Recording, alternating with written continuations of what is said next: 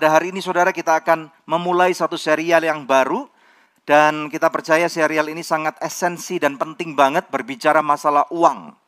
Saudara, kalau kita bicara masalah uang, mulai dari saudara itu mulai terjadi pembuahan di dalam rahim ibu saudara, ibu kita, itu udah perlu uang.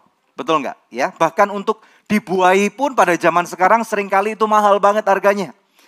Ada begitu banyak orang-orang yang sukar untuk mendapatkan keturunan, saudara. Sehingga mereka harus pakai inseminasi. Dan saya tidak tahu harganya berapa sekarang, saudara. Tetapi kalau yang namanya IVF atau bayi tabung dalam bahasa sehari-hari itu minimal udah 150 sampai 300 juta. Itu per kali nyoba, saudara. Kalau gagal ya berarti harus bayar lagi. Nah, dari sana kita tahu bahkan nanti pada waktu saudara uh, dikandung selama ibu oleh ibu selama 9 bulan dan sampai nanti dilahirkan sampai nanti menjadi seorang anak kecil, kemudian menjadi remaja, menjadi dewasa muda, menikah, bekerja, menjadi tua, Saudara dan bahkan nanti sampai akhirnya setiap daripada kita itu pulang ke rumah Bapak, Saudara, semuanya perlu duit, betul nggak? Haleluya, katakan semua perlu duit. Haleluya, belum semangat yang di storehouse mana suaranya? Katakan, semua perlu duit. Nah semalam saya mencoba saudara untuk test case, saya masukkan dalam polling Instagram saya. Saya katakan gini saudara kalau belum ikut saudara cuma silakan boleh ikut. Saya tanyakan suka duit enggak? Ada kebanyakan mereka bilang yes dan sedikit yang bilang no. Saudara saya juga nggak tahu kenapa mereka nggak suka duit. Tetapi saya suka duit. Saya tidak cinta duit saudara, tapi saya suka duit. Karena dengan duit kita bisa melakukan banyak sekali hal. Ya, uang bukan duit. Ya, saudara ya. Dan kemudian kalau ditanya siapa yang perlu duit, herannya saudara tahu nggak berapa persen yang mengatakan perlu duit? Ada yang tahu nggak? 100 persen mengatakan perlu duit. Bahkan beberapa orang yang uh, kan saya bisa tahu nih ya siapa-siapa yang mengisi polling itu saudara. Dan kemudian bahkan mereka yang jabatannya sangat lukratif, sangat menjanjikan. Mungkin mereka udah punya income yang selangit, saudara. Tetapi mereka juga pencet perlu duit, saudara. Termasuk beberapa orang yang lagi struggling dalam kehidupannya. Saya melihat mereka juga memencet perlu duit. Nah ini ternyata setiap ranah kehidupan ini mempunyai kadar yang berbeda. Perlu uangnya juga nggak sama, saudara. Betul ya? Nah tetapi kemudian kalau saya tanyakan cinta Cinta Tuhan nggak? Semuanya menjawab 100%. Tumben saudara ya, kalau saya ngadakan pooling, kadang-kadang nggak terlalu banyak ngikut, tapi kalau ngomong soal duit, ini ratusan orang langsung keluar saudara. Tanpa disuruh, tanpa promosi ya. Haleluya. Saudara siap dengarkan firman Tuhan? Haleluya. Nah puji Tuhan Bapak Ibu sekalian mari kita lihat uh, kebenaran firman Tuhan. Saya akan uh, khotbahkan dari kitab Matius 19. Bersama-sama kita akan melihat secara sistematis mulai daripada ayat 16 sampai dengan 30 kita nggak baca langsung, saudara ya, tetapi kita akan lihat satu persatu. Ada tiga poin besar yang saya ingin nanti katakan dan ajarkan kepada saudara. Nah, saudara saya mengajak Anda, kalau saudara belum share uh, ibadah ini, ayo rame-rame kita share, karena lebih banyak lagi orang yang perlu mendapatkan kebenaran Tuhan tentang keuangan, kekayaan saudara. Dan saudara nanti boleh celebrate bersama dengan kami. Saudara boleh tinggalkan komentar atau saudara boleh abadikan ibadah saudara. Saudara boleh kasih hashtag uh, anugerah church saudara ya. Dan juga jangan lupa kasih hashtag uh, financial series. Lihat bersama dengan saya, saudara boleh ikut baca. Kita akan lihat terlebih dahulu Matius 19 ayat 16 sampai dengan 30. Kita akan berhenti pertama di ayat 22, saudara. Siap ya? Puji Tuhan, 2, 3. Ada seorang datang kepada Yesus dan berkata, Guru, perbuatan baik apakah yang harus ku perbuat untuk memperoleh hidup yang kekal? Jawab Yesus ayat 17, Apakah sebabnya engkau bertanya kepadaku tentang apa yang baik? Hanya satu yang baik, tetapi jikalau engkau ingin masuk ke dalam hidup, turutilah segala perintah Allah. 18, kata orang itu kepadanya, perintah yang mana? Kata Yesus, jangan membunuh, jangan bersinah, Jangan mencuri, jangan mengucapkan saksi dusta, hormatilah ayahmu dan ibumu dan kasihilah sesamamu manusia seperti dirimu sendiri. Kata orang itu, muda itu kepadanya semuanya itu telah kuturuti, apalagi yang masih kurang. Nah kita berhenti dulu di sana saudara ya. Nah saudara sekalian, satu hal yang saya harus luruskan kepada kita semua. Bahwa Tuhan Yesus tidak membenci orang kaya. Yang percaya katakan amin. Yang kaya, saudara boleh uh, buat gesture gini. Phew, Haleluya, puji Tuhan ya. Saudara, uh, tidak ada masalah dengan kekayaan, tidak ada masalah dengan kemiskinan. Saudara di mata Tuhan setiap manusia apakah baik kaya ataupun miskin, terpelajar ataupun tidak, itu sama dicinta oleh Tuhan. Haleluya. Tetapi sering kali kita tahu bahwa yang lebih banyak membuat masalah itu siapa saudara? Lebih banyak orang kaya. Karena mereka lebih punya fasilitas. Mereka lebih tahu luar dalam seluk beluk. Mereka bisa punya akses yang mana tidak bisa diakses oleh berbagai macam orang.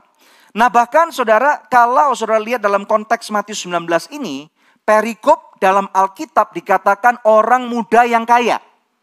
Nah saudara, saya tahu Tuhan Yesus itu tidak pernah memilah-milah siapa yang mau dia temui. Betul nggak saudara ya? Karena kita tahu juga bahwa Tuhan kita itu dia juga bisa berteman sangat baik dengan uh, pemungut cukai, dengan pelacur, dengan orang-orang yang dianggap dibuang atau dilupakan oleh orang-orang di dunia ini saudara.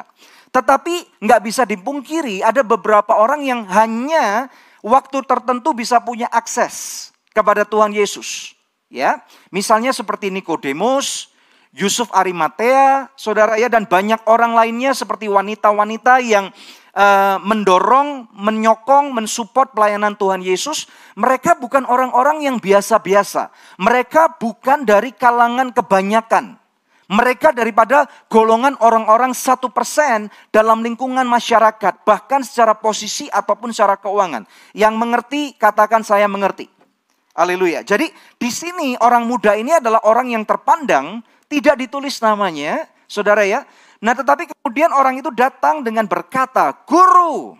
Ya ini orang orang confident banget ini ya. Perbuatan baik apakah yang aku harus berbuat untuk memperoleh hidup yang kekal? Nah saudara, ada satu hal yang nggak nyambung. Ternyata di dalam benak orang ini, dia masih berpikir bahwa perbuatan baik itu bisa membawa dia untuk masuk kepada kehidupan kekal.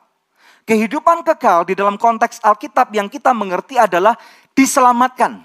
Katakan diselamatkan. Bapak Ibu sekalian, kita harus mengerti bahwa perbuatan baik tidak menyelamatkan kita.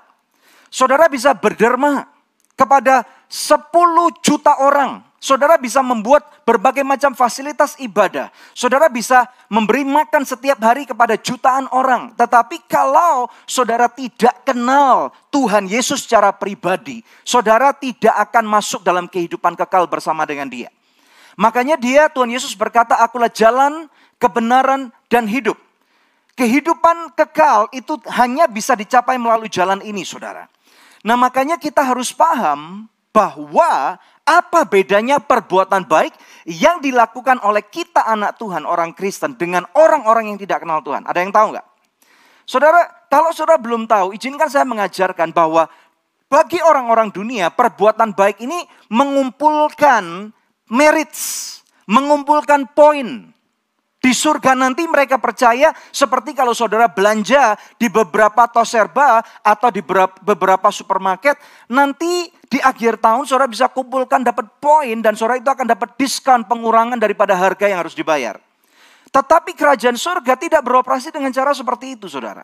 Karena apa? Nota atau nota setitik aja itu bisa membatalkan keselamatan yang akan dapat menggagalkan seseorang untuk masuk dalam kerajaan surga.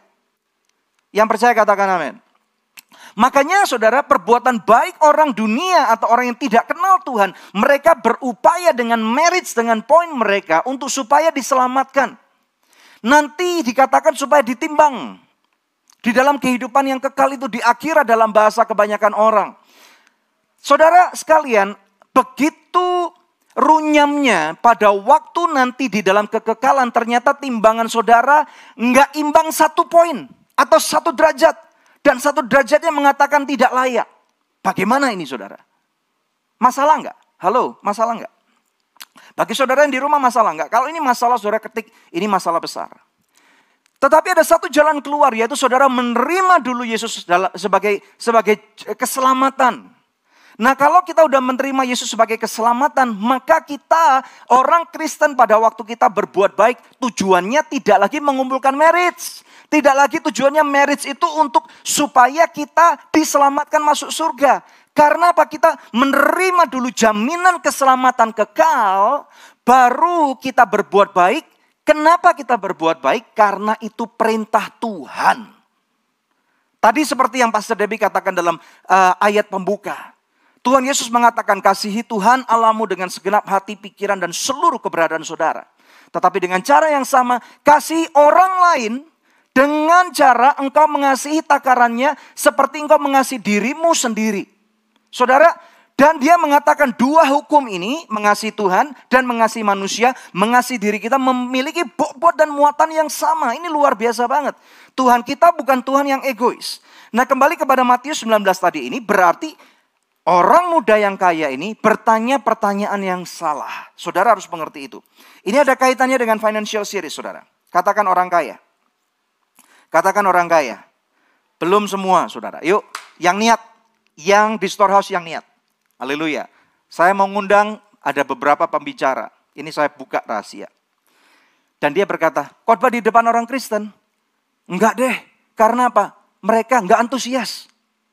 Kalau saya uh, harus ngasih speech di perusahaan saya, oh mereka tuh luar biasa berapi-api. Nah ini saudara, ayo, apakah saudara antusias atau tidak? Halo? Antusias.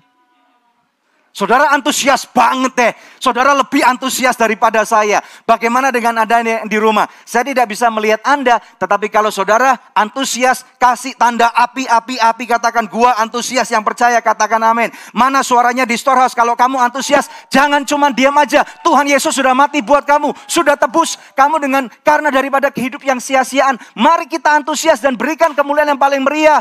Bagi Tuhan Yesus katakan, saya mau firman Tuhan merubah kehidupan saya yang percaya katakan amin. Haleluya. Puji Tuhan saudara. Nah saudara sekalian dari sana kemudian dia bertanya. Udah dijelasin sama Tuhan Yesus nih.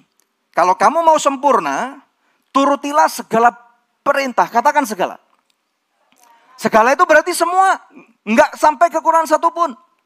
Dia nantang nih saudara. Ya, hanya orang kaya yang berani nantang. Betul ya? Kalau orang yang kalah posisi, dia langsung akan tunduk. Beberapa orang, saudara dari body gesture saya udah bisa melihat. Saudara kalau begitu ngomong dengan saya atau beberapa orang langsung tangannya gini saudara. Tanpa sadar. Ya, gini saudara, sambil sambil gini-gini. Nggak sadar itu. Ini adalah body gesture di mana seseorang nggak nggak percaya diri. Betul ya saudara ya? Nah saudara ini yang terjadi tetapi orang itu dengan begitu gigih, berani bertanya, berargumentasi, ini nggak negatif. Ini orang ini nggak nggak jahat, tetapi dia kemungkinan juga mempunyai hati ingin belajar, saudara. Tapi dia bertanya, perintah yang mana? Kata Yesus, jangan membunuh, jangan bersinah, jangan mencuri, jangan mengucapkan saksi, saksi dusta, hormatilah ayahmu dan ibumu dan kasihilah sama manusia seperti dirimu sendiri. Jadi jelas nih, Yesus memberikan hukum Taurat. Katakan hukum Taurat. Nah saudara, jawab daripada anak muda ini di ayat 20 saudara lihat nih ya.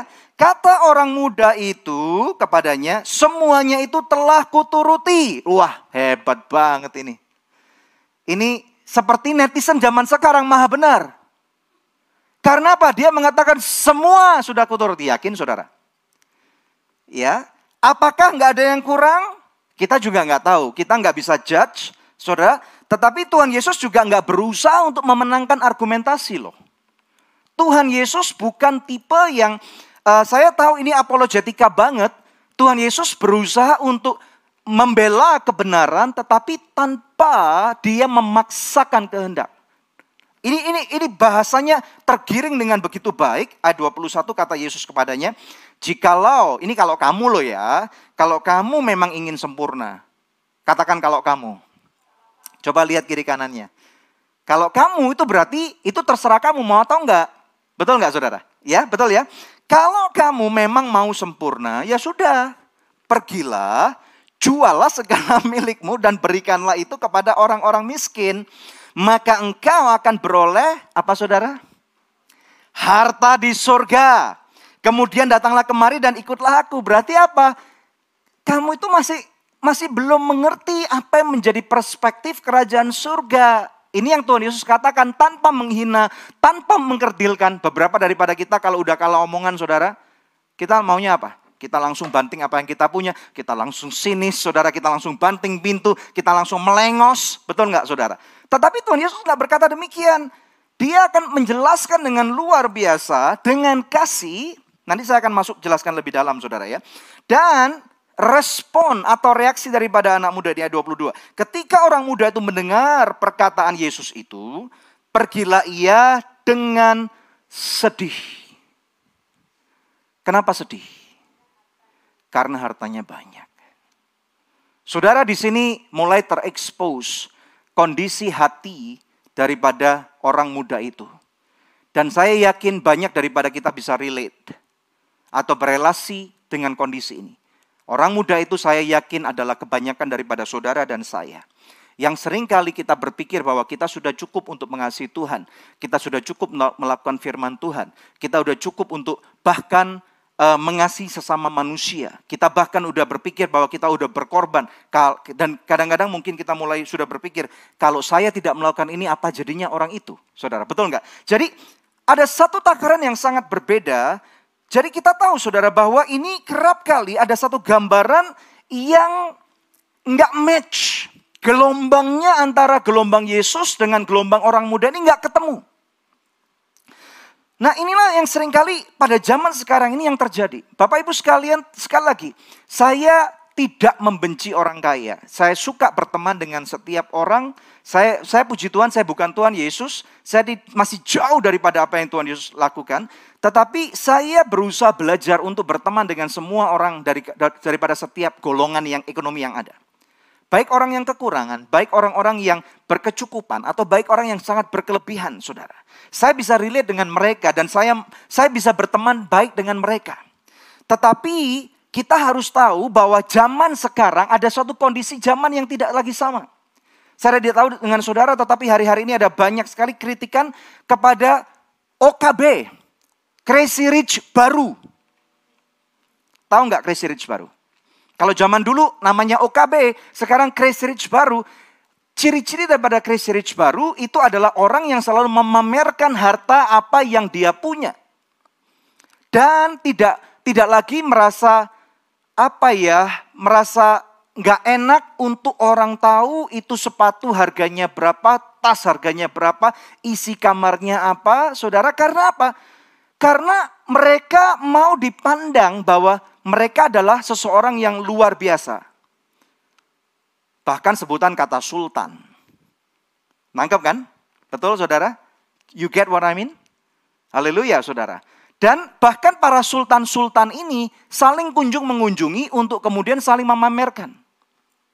Dan bahkan beberapa kalau lagi lagi misalnya eh, apa namanya itu lagi mager, mereka bisa beli mobil lewat beberapa aplikasi. Dan besok paginya udah dikirim mobilnya yang harganya 3 sampai 5 sampai 10 miliar. Itu karena mereka lagi nggak nggak ada kerjaan katanya. Saudara, sekali lagi, apakah kita ngurusin kekayaan orang? Kita nggak perlu ngurusin kekayaan orang. Tetapi inilah satu gambaran yang sangat salah yang lagi dibuat oleh orang-orang ini yang akan membuat diri kita bahkan nggak usah ngomong anak-anak kita deh, diri kita kalau kita gagal paham, kita akan mulai menjadi iri dan bertanya, kenapa saya nggak bisa menjadi seperti itu? Halo, paham nggak? Saudara, saudara pernah, saudara ngerti apa yang saya katakan? Saya nggak nggak usah nyebut nama siapa pun juga karena ini sebenarnya memang bukan urusan kita. Tetapi cara berpikir ini perlu kita pelajarin karena kita adalah anak-anak Tuhan nih saudara. Karena topik ini berbicara cinta uang versus cinta Tuhan. Saya yakin kalaupun ada orang-orang Kristen yang bisa melakukan seperti itu dan mereka berkata, karena dengan cara seperti itu saya mau menarik orang-orang untuk supaya dekat dan kenal saya. Are you sure you want to bring them to Jesus or you want to bring them to know yourself more? Halo, ada amin gak saudara? Makanya Tuhan Yesus berkata, kepada orang muda ini, ini satu yang yang dia pasti nggak mungkin bisa lakukan, yaitu adalah menjual segala sesuatu. Dan orang muda ini memiliki respon, dia begitu sedih banget, saudara. Sedih sekali. Karena Alkitab mengatakan sebab banyak hartanya. Pertanyaan yang perlu kita tanyakan kepada diri kita. Siapa yang kasih harta itu? Is that clear? Sama seperti kalau saya punya anak, saudara ya. Eh, kadang-kadang kalau anak kita punya makanan yang kita kasih. Apakah itu kue, roti, pastel, saudara coklat, permen. Saudara coba tanya kepada anak itu. bagi dong ke mami daddy. Anaknya akan ngomong apa? Enggak, ini punyaku. Padahal itu bukan punya Muna, itu punya mami daddy kamu yang dikasih ke kamu. Nangkep enggak? Makanya saya ngajarin kepada banyak parent. Saudara, kalau anakmu mau kasih sesuatu ke kamu, saudara nggak boleh ngomong nggak mau dan kenyang. Karena sama dengan engkau mendidik egoisme mereka untuk muncul dan tidak perlu share. Saudara harus menerima itu. Dan kadang-kadang saudara harus tanya, kalau mami daddy ambil semua boleh nggak? Sebenarnya saudara perlu nggak ngambil semua daripada apa yang saudara sudah kasih ke anak saudara? Nggak perlu. Saudara nangkep nggak ini conversation ke arahnya ke mana nih? Karena ini berbicara tentang hati, demikian pula dengan saudara. Kalau Tuhan, saudara baca gini kan enak ya. Pernah nggak saudara encounter Jesus dan kemudian ada satu tantangan dari Tuhan, di mana kemudian saudara diminta untuk melakukan sesuatu, dan saudara mulai berpikir seribu kali lipat, benar nggak ini dari Tuhan? Kalau saudara dapat promosi, haleluya ini dari Tuhan pasti ini. Kok diem? Kena ya? Yuk, let's get it straight. Harta duniawi, slide berikutnya ini, Wow, harta duniawi siapa yang nggak mau ini? Oh, saudara mungkin bingung. Pastor Daniel ngerti juga ya? Ngerti. Ya, itu harga tas 500 ribu dolar, mobil itu kira-kira 3 juta dolar, rumah kira-kira itu sekitar 75 juta dolar, itu satu jam tangan, saudara satu jam tangan itu sekitar 5 sampai 10 miliar, satu jam tangan. Dan harta duniawi tidak akan pernah membuat Anda, Anda dan saya menjadi sempurna. Enggak bakal. Enggak bakal. Ini society yang kita hidupi, saudara. Mari kita nggak bisa larang mereka karena itu bukan hidup kita. Tetapi ayo kita menjadi orang Kristen yang diberkati Tuhan dan akuntabel. Bertanggung jawab tentang apa yang menjadi berkat Tuhan buat kehidupan kita. Yang mau katakan amin. Kesempurnaan adalah milik Tuhan. Betul? Setuju? Pertanyaannya bagaimana saudara dan saya bisa menjadi lebih sempurna?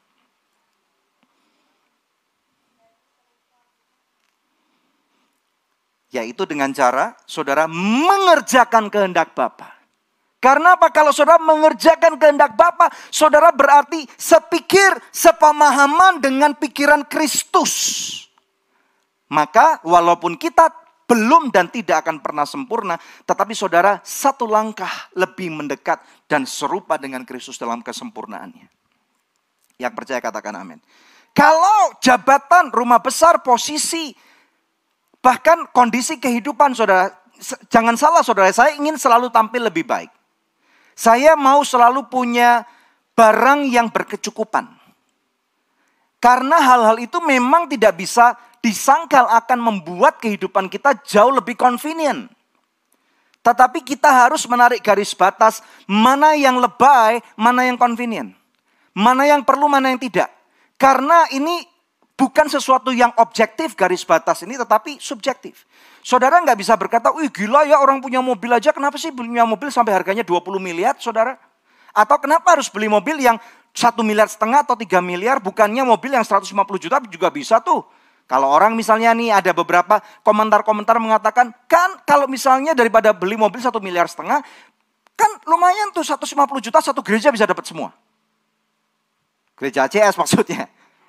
Ya, lain saudara lain, nggak sama. Karena apa? Batasnya apa? Batasnya adalah pada waktu saudara mulai melebihi kemampuanmu, itulah batas lebay saudara. Jadi kalau memang beli mobil satu miliar setengah, itu saudara nggak maksa, kredit boleh nggak? Itu diskusi lain.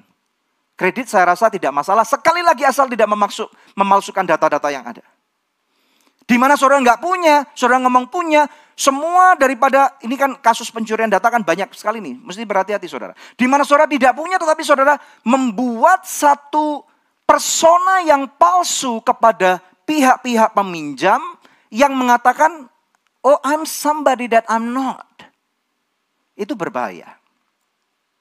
Karena apa? Di sana saudara akan berusaha memakai image-image palsu ini, barang-barang duniawi yang fana ini, untuk kemudian berusaha membuat orang lain sekeliling saudara berpikir bahwa I am somebody. Ini yang nggak boleh, saudara. Jadi kalau saudara mulai mengerjakan kehendak Bapa dan hidup berbuah, hal itu akan membuat saudara menjadi serupa satu langkah lagi dengan Bapa. Ini poin kita yang pertama. Harta duniawi tidak akan pernah bisa membuat saudara masuk dalam kesempurnaan. Enggak bakal. Enggak bakal. Ada amin enggak? Tetapi mengerjakan kehendak Bapa yang akan bisa membuat saudara satu langkah mendekati kesempurnaan. Bapak Ibu sekalian, mari kita kembali kepada uh, pokok bahasan. Bapak Ibu sekalian, ini yuk saya mau tunjukkan bahwa Tuhan itu sangat peduli dengan apa yang yang kita lagi khotbahkan sekarang. Bible trivia. Next slide, slide ketujuh. Trivia, Bible trivia ini artinya apa saudara? Artinya tebak-tebakan gitu loh ya. Ini ini udah keburu dikeluarkan. Di dalam Alkitab kita itu ada udah udah terlanjur keluar di sana. Ayat-ayat yang berbicara tentang doa itu ada 500 ayat. Tahu nggak ada berapa ayat yang berbicara tentang iman? Ya gampang banyak. Ini yang di rumah silakan Google kalau mau. Ya, jawabannya pasti bukan banyak.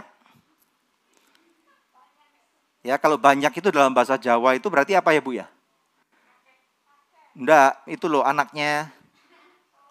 Anaknya apa? Oh, anaknya angsa ya? Oh, bebek, oke. Okay. Ya. Nah, jawabannya dari 500 ayat. Banyak nggak? Banyak banget. Jadi ada 500 ayat berbicara tentang doa, 500 ayat berbicara tentang iman. Berbicara kus, langsung direct atau seputar doa dan iman 500. Sekarang jangan dikeluarkan dulu. Saudara cek di Google saudara. Ada berapa banyak ayat-ayat yang berbicara tentang uang, uang kekayaan, harta benda yang relate dengan itu semua. Tahu nggak ada berapa banyak? Lebih banyak, gampang banget judulnya. Ada 2000 ayat yang berbicara tentang uang, kekayaan. Empat kali lipat atau dua kali lipat kalau doa dan iman itu digabung menjadi satu.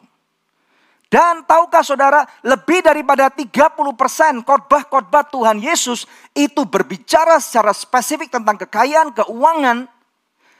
Berarti kita tahu bahwa hati Tuhan mengerti sekali struggle yang kita sebagai manusia hadapi di muka bumi ini, saudara.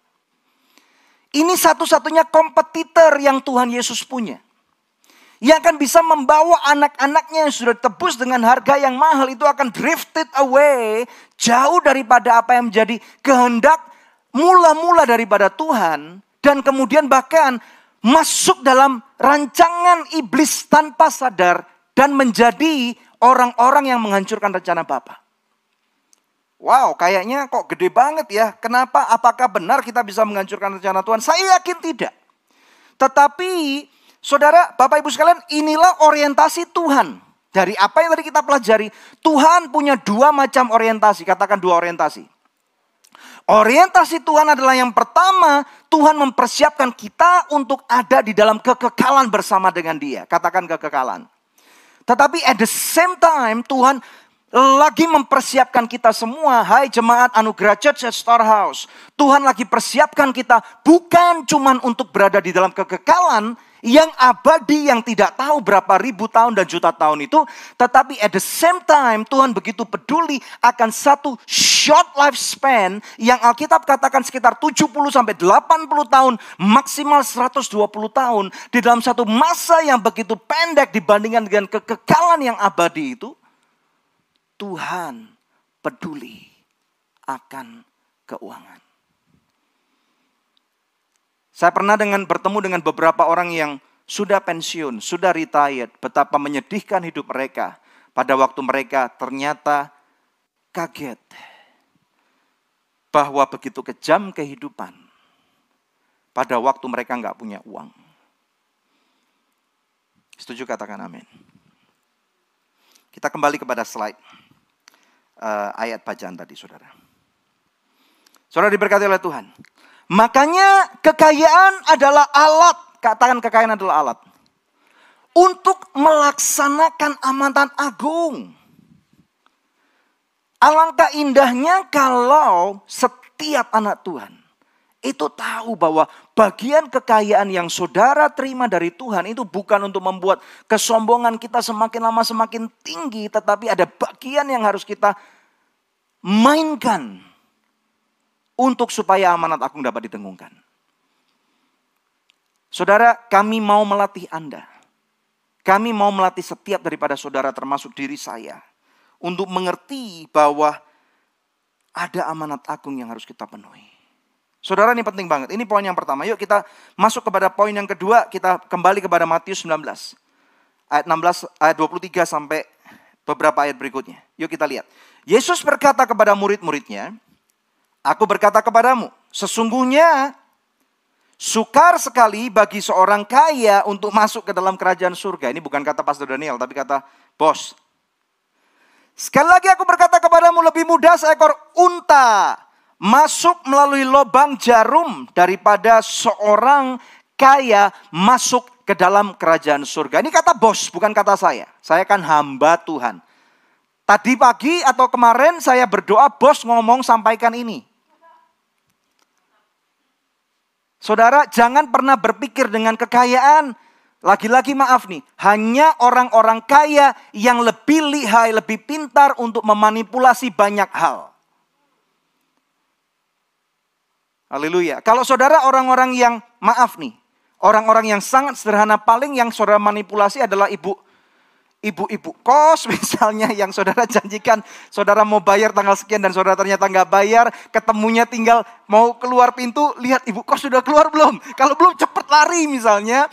Atau di warung tegal. Atau di warung amigos. Tahu nggak amigos? Agak minggir got sedikit Ya, yang langganan itu loh saudara ya.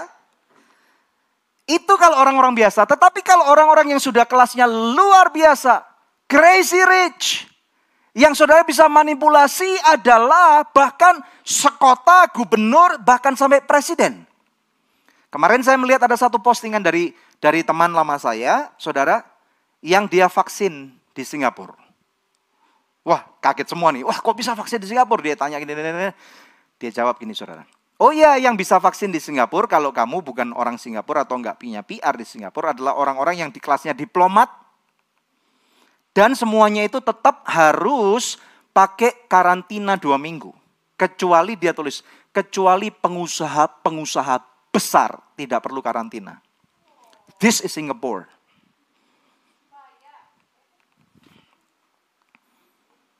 Hanya orang-orang kaya yang bisa mempunyai kemampuan untuk memanipulasi banyak hal. Saudara kalau saudara lihat skema-skema investasi bodong, itu bisa dilakukan dengan orang-orang yang modelnya perlente.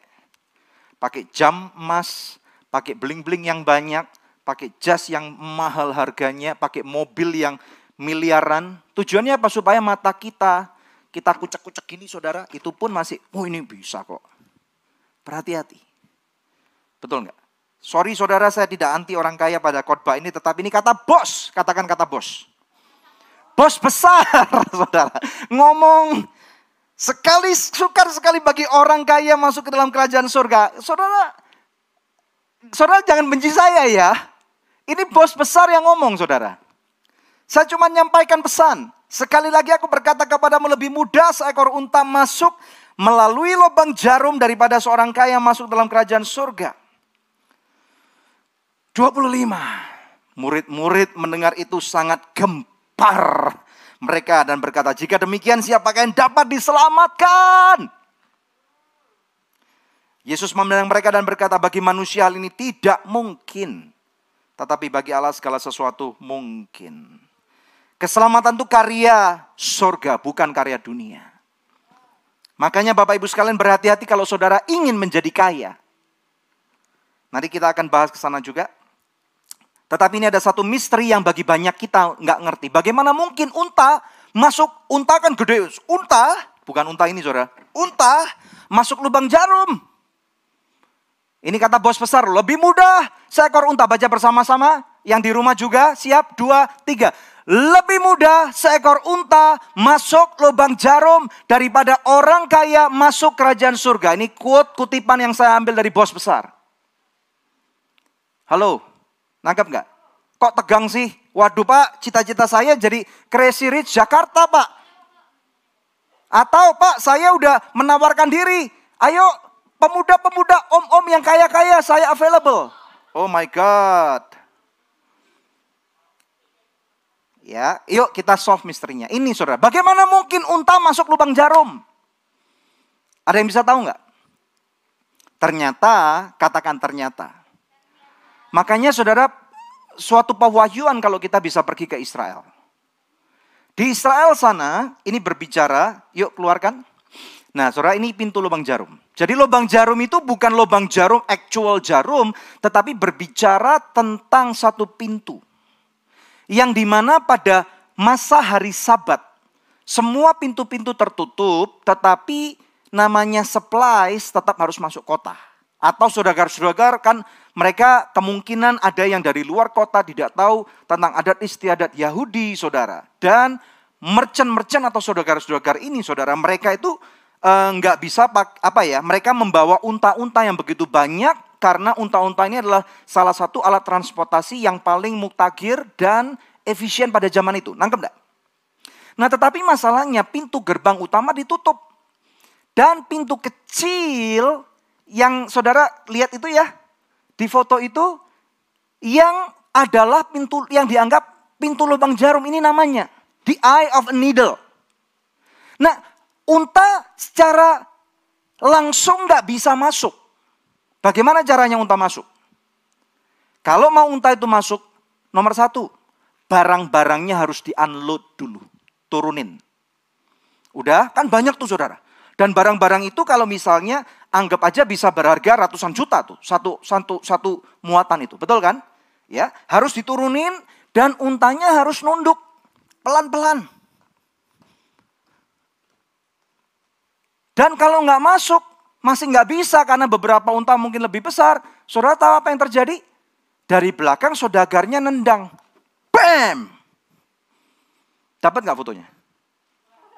Bam!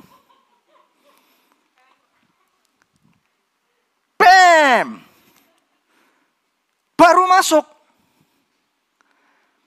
Makanya ini berbicara tentang kekayaan yang kita harus letakkan untuk kita bisa berelasi dengan Tuhan. Tuhan nggak nggak impress dengan jam tangan mahal yang saudara dan, dan saya akan bisa punya, atau kita semua bisa punya. Apalagi kalau itu palsu.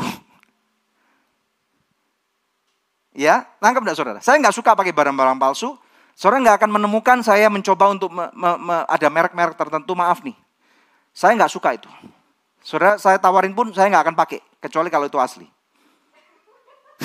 Serius. Lebih baik saya pakai jam-jam yang sederhana, tapi itu asli, itu saya. Kalau saya beli barang yang palsu, pernah nggak? Mungkin satu kali, dua kali, tapi saya akan pastikan nggak ada mereknya. Atau nggak ada yang lihat, karena saya lihat fungsinya. Serius. Ini sabuk juga juga nggak ada mereknya, saudara. Ini asli. Nangkep ya?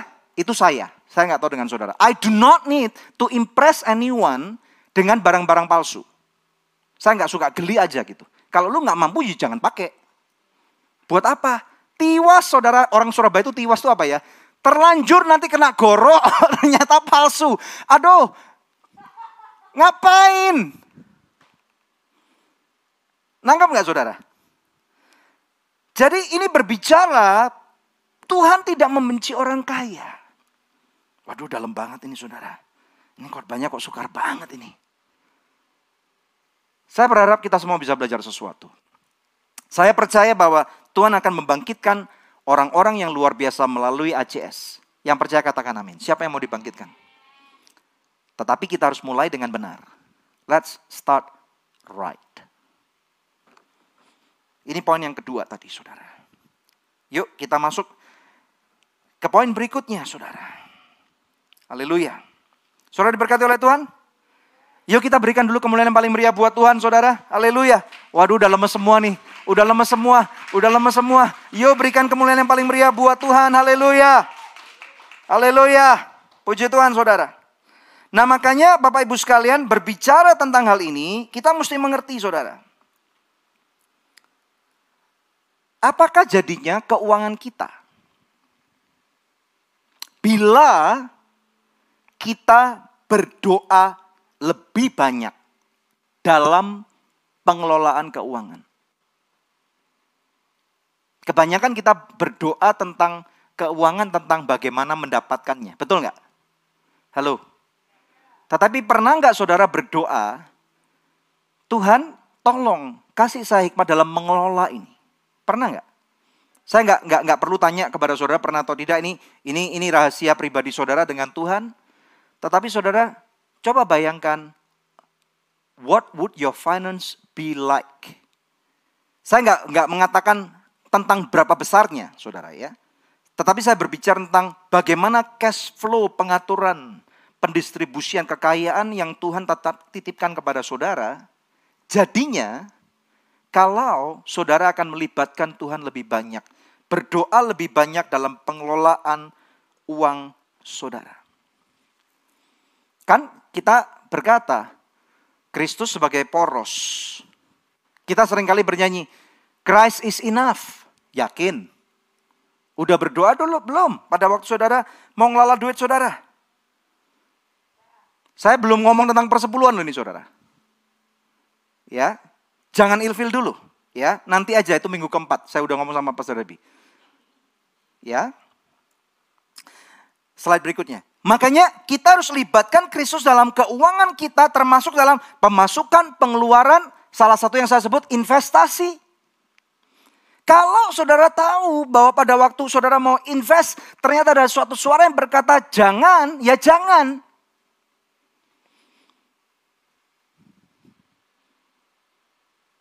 Ada amin saudara. Karena kita nggak tahu apa yang ada di depan saya. Saya nggak berkata bahwa perusahaan itu pasti palsu tidak. Atau termasuk misalnya untuk memproteksi ada caranya kan. Kita nggak ngomong mekanismenya pada saat ini. Tetapi artinya apa? How do we involve Christ as the center of our finance? Saudara sadari bahwa itu bukan duit kita, duit bos. Saudara adalah financial manager yang Tuhan tetapkan di muka bumi ini untuk mengelola sejumlah kekayaan besar, kecil. Ini subjektif sekali saudara. Tetapi kita harus sadar bahwa saudara dan saya kita adalah pengelola saja. Berarti kita harus mengerti kenapa Tuhan mempercayakan sejumlah uang atau membatalkan beberapa transaksi yang sudah di depan mata. Karena ini bukan uang kita bukan uang kita. Tuhan nggak pernah mau kita menjadi orang Kristen yang kedagingan. Boleh nggak kaya? Boleh banget. Bisa nggak orang Kristen menjadi kaya? Menurut saya harus. Tetapi maaf nih saudara. Ada orang-orang yang Tuhan izinkan untuk masuk di dalam penderitaan karena Tuhan bisa memamerkan kemuliaannya baik melalui kondisi saudara berkelimpahan ataupun berkekurangan. Tetapi maaf saya tidak mau menerima suatu kebenaran bahwa saudara memang ditakdirkan oleh Tuhan untuk menjadi orang miskin. Enggak. Kalau hari ini saudara hidup dalam kondisi kemiskinan, saudara harus mulai bertanya Tuhan, bukan mencari kesalahan, bukan mengatakan saya dikutuk. Tuhan, what do I do untuk saya bisa menjadi minimal kondisi ekonomi saya lebih baik? Saya sudah sering bertemu dengan orang-orang yang dalam kondisi terpuruk secara ekonomi, saudara. Ekonomi dulu. Saudara, saya tahu kekayaan bukan cuma uang, tetapi bulan ini kita lagi ngomong tentang duit.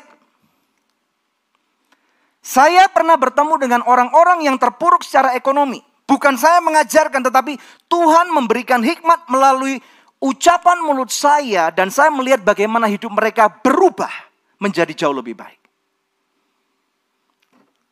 Saya punya dua orang anak, saudara sudah banyak, cukup banyak yang punya anak di sini. Saudara, kalau saudara punya anak, apakah saudara punya cita-cita anakmu? Tuhan, tolong buat anak saya miskin. Tolong Tuhan, supaya dia mengenal engkau lebih baik lagi. Tidak mungkin saudara. Tidak mungkin. Kalau saudara aja yang kata firman Tuhan adalah orang tua yang jahat secara tanda kutip tidak akan memberikan rot, memberikan batu kalau saudara anakmu minta roti, apalagi Tuhan. Tidak mungkin. Tuhan pemilik alam semesta dan segala macam kekayaan di dalamnya. Dan dia tidak pernah dalam benaknya untuk membuat saudara dan saya miskin. Camkan itu.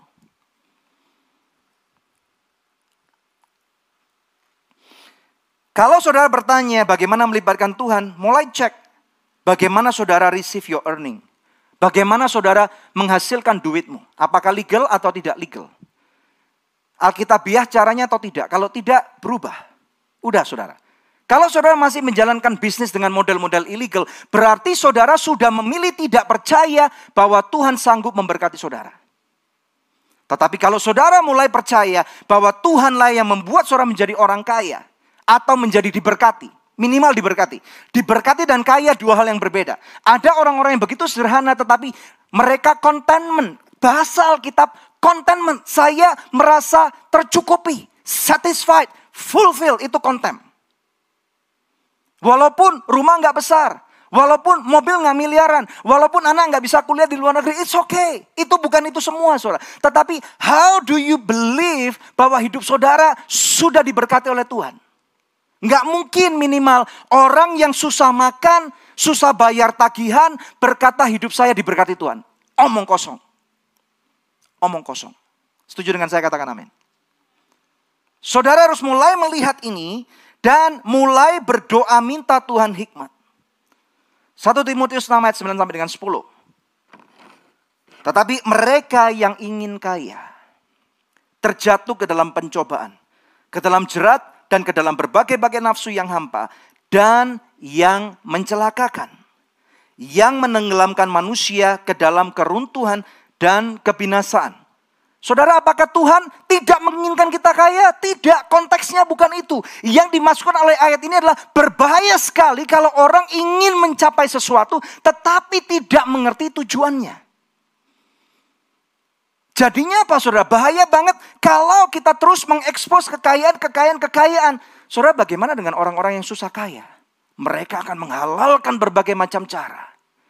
Kejahatan akan begitu meningkat karena kefrustasian. Ini lagi didengungkan di negeri ini sekarang. Soalnya cek di beberapa uh, YouTube YouTube orang-orang yang lagi berpikir kritis, kritis akan hal ini. Karena apa? Ini sudah mulai mengkhawatirkan. Satu sisi di negeri ini ada ada radikalisme, betul nggak? Satu sisi ada orang-orang yang susah sekali hidupnya. Satu sisi ada orang-orang yang demikian gampang dapat duit. Tim memuji silakan kembali ke tempatnya. Dan bagaimana nih? Kok kayaknya nggak nggak adil kehidupan ini gitu loh saudara. Makanya kita harus sadar bahwa ini duitnya Tuhan. Ayat 10. Karena akar segala kejahatan ialah cinta uang. Sebab oleh memburu uanglah beberapa orang telah menyimpang dari iman dan menyiksa dirinya dengan berbagai-bagai duka. Kita harus belajar tentang keuangan dalam firman Tuhan supaya mengerti apa yang menjadi hati Bapak tentang keuangan ini. Bagaimana dia ingin kita diberkati. Ayat 27, saya akan cepat saudara karena waktu ya. Ayat 27 berikutnya. Lalu Petrus menjawab dan berkata kepada Yesus, kami ini telah meninggalkan segala sesuatu dan mengikut engkau. Jadi apakah yang akan kami peroleh Tuhan? Kata Yesus kepada mereka 28, aku berkata kepadamu, sesungguhnya pada waktu penciptaan kembali, apabila anak manusia bersemayam di tata kemuliaannya, kamu yang telah mengikut aku akan duduk juga di atas 12 tahta untuk menghakimi kedua belas suku Israel. Saudara, underline kata-kata yang mengikut aku. Ini berbicara bahwa Tuhan menghendaki kita untuk ginosko, untuk yada dengan dia. Artinya apa? Berbicara tentang covenant yang dari mimbar ini selama enam bulan terakhir. Kami dengungkan hidup di dalam covenant keuangan akan Tuhan. Ginosko itu seperti layaknya hubungan suami dan istri. Sehingga 28 Yesus berkata kepada mereka, aku berkata kepadamu. Ini tadi udah saya baca saudara. Berikutnya maaf 29. Dan setiap orang yang karena namaku meninggalkan rumahnya. Saudara laki-lakinya atau saudaranya perempuan, bapak atau ibunya, anak-anak atau ladangnya. Wow. Baca bersama dengan saya dua tiga. Akan menerima kembali seratus kali lipat. dan akan memperoleh hidup yang kekal. Tuhan, kalau saudara serahkan seluruh keberadaan hidupmu kepada Tuhan, Dia sanggup melipat gandakan. Saudara, waktu Tuhan meminta kami berdua untuk melayani Dia secara full time, banyak orang tidak paham. Saya tidak bragging tentang apa yang menjadi pelayanan kami. Kami jauh lebih muda waktu itu. Di tahun 2003, 2004, 2005 itu masuk masa transisi. Saudara kami melayani Tuhan bukan karena kami bangkrut. Bukan. Bukan karena kami nggak bisa kerja, enggak.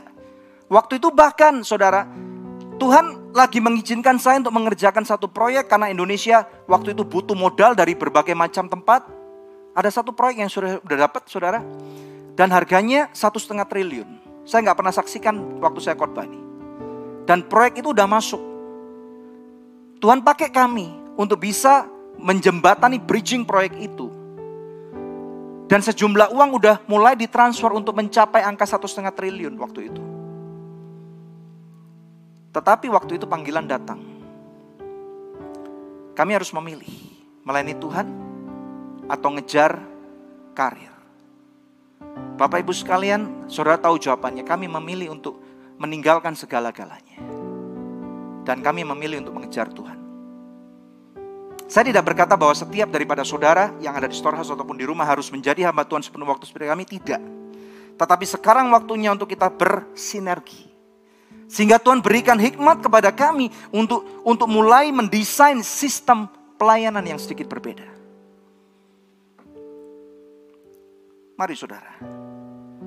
Tuhan tidak ingin hati kita berubah. Berbicara masalah uang, poin yang ketiga adalah bagaimana hati kita nggak berubah. Matius 6 ayat 21. Karena di mana hartamu berada, di situ juga hatimu berada. Test case-nya adalah pada waktu kepada orang kaya muda itu Tuhan berkata tinggalkan segala sesuatu. Baru ikut aku. Dia nggak bisa. Berapa banyak orang yang pada waktu diberkati Tuhan. Dia mulai meninggalkan pelayanan. Meninggalkan komitmen dengan Tuhan. Meninggalkan covenant pernikahan masa mudanya dan mulai mempunyai simpanan-simpanan, mempunyai istri kedua, istri ketiga, mulai menjadi orang yang tidak bisa lagi relate dengan banyak orang. Pada saat itu, saudara kita tahu bahwa hati kita sudah berubah. Terima kasih karena kamu sudah join dan mendengarkan khotbah dari Pastor Daniel Hendrata di podcast Anugerah Church. Kalau kamu diberkati dengan podcast ini, yuk share ke teman-teman lainnya agar lebih banyak lagi jiwa yang diberkati. Anugerah Church at Storehouse.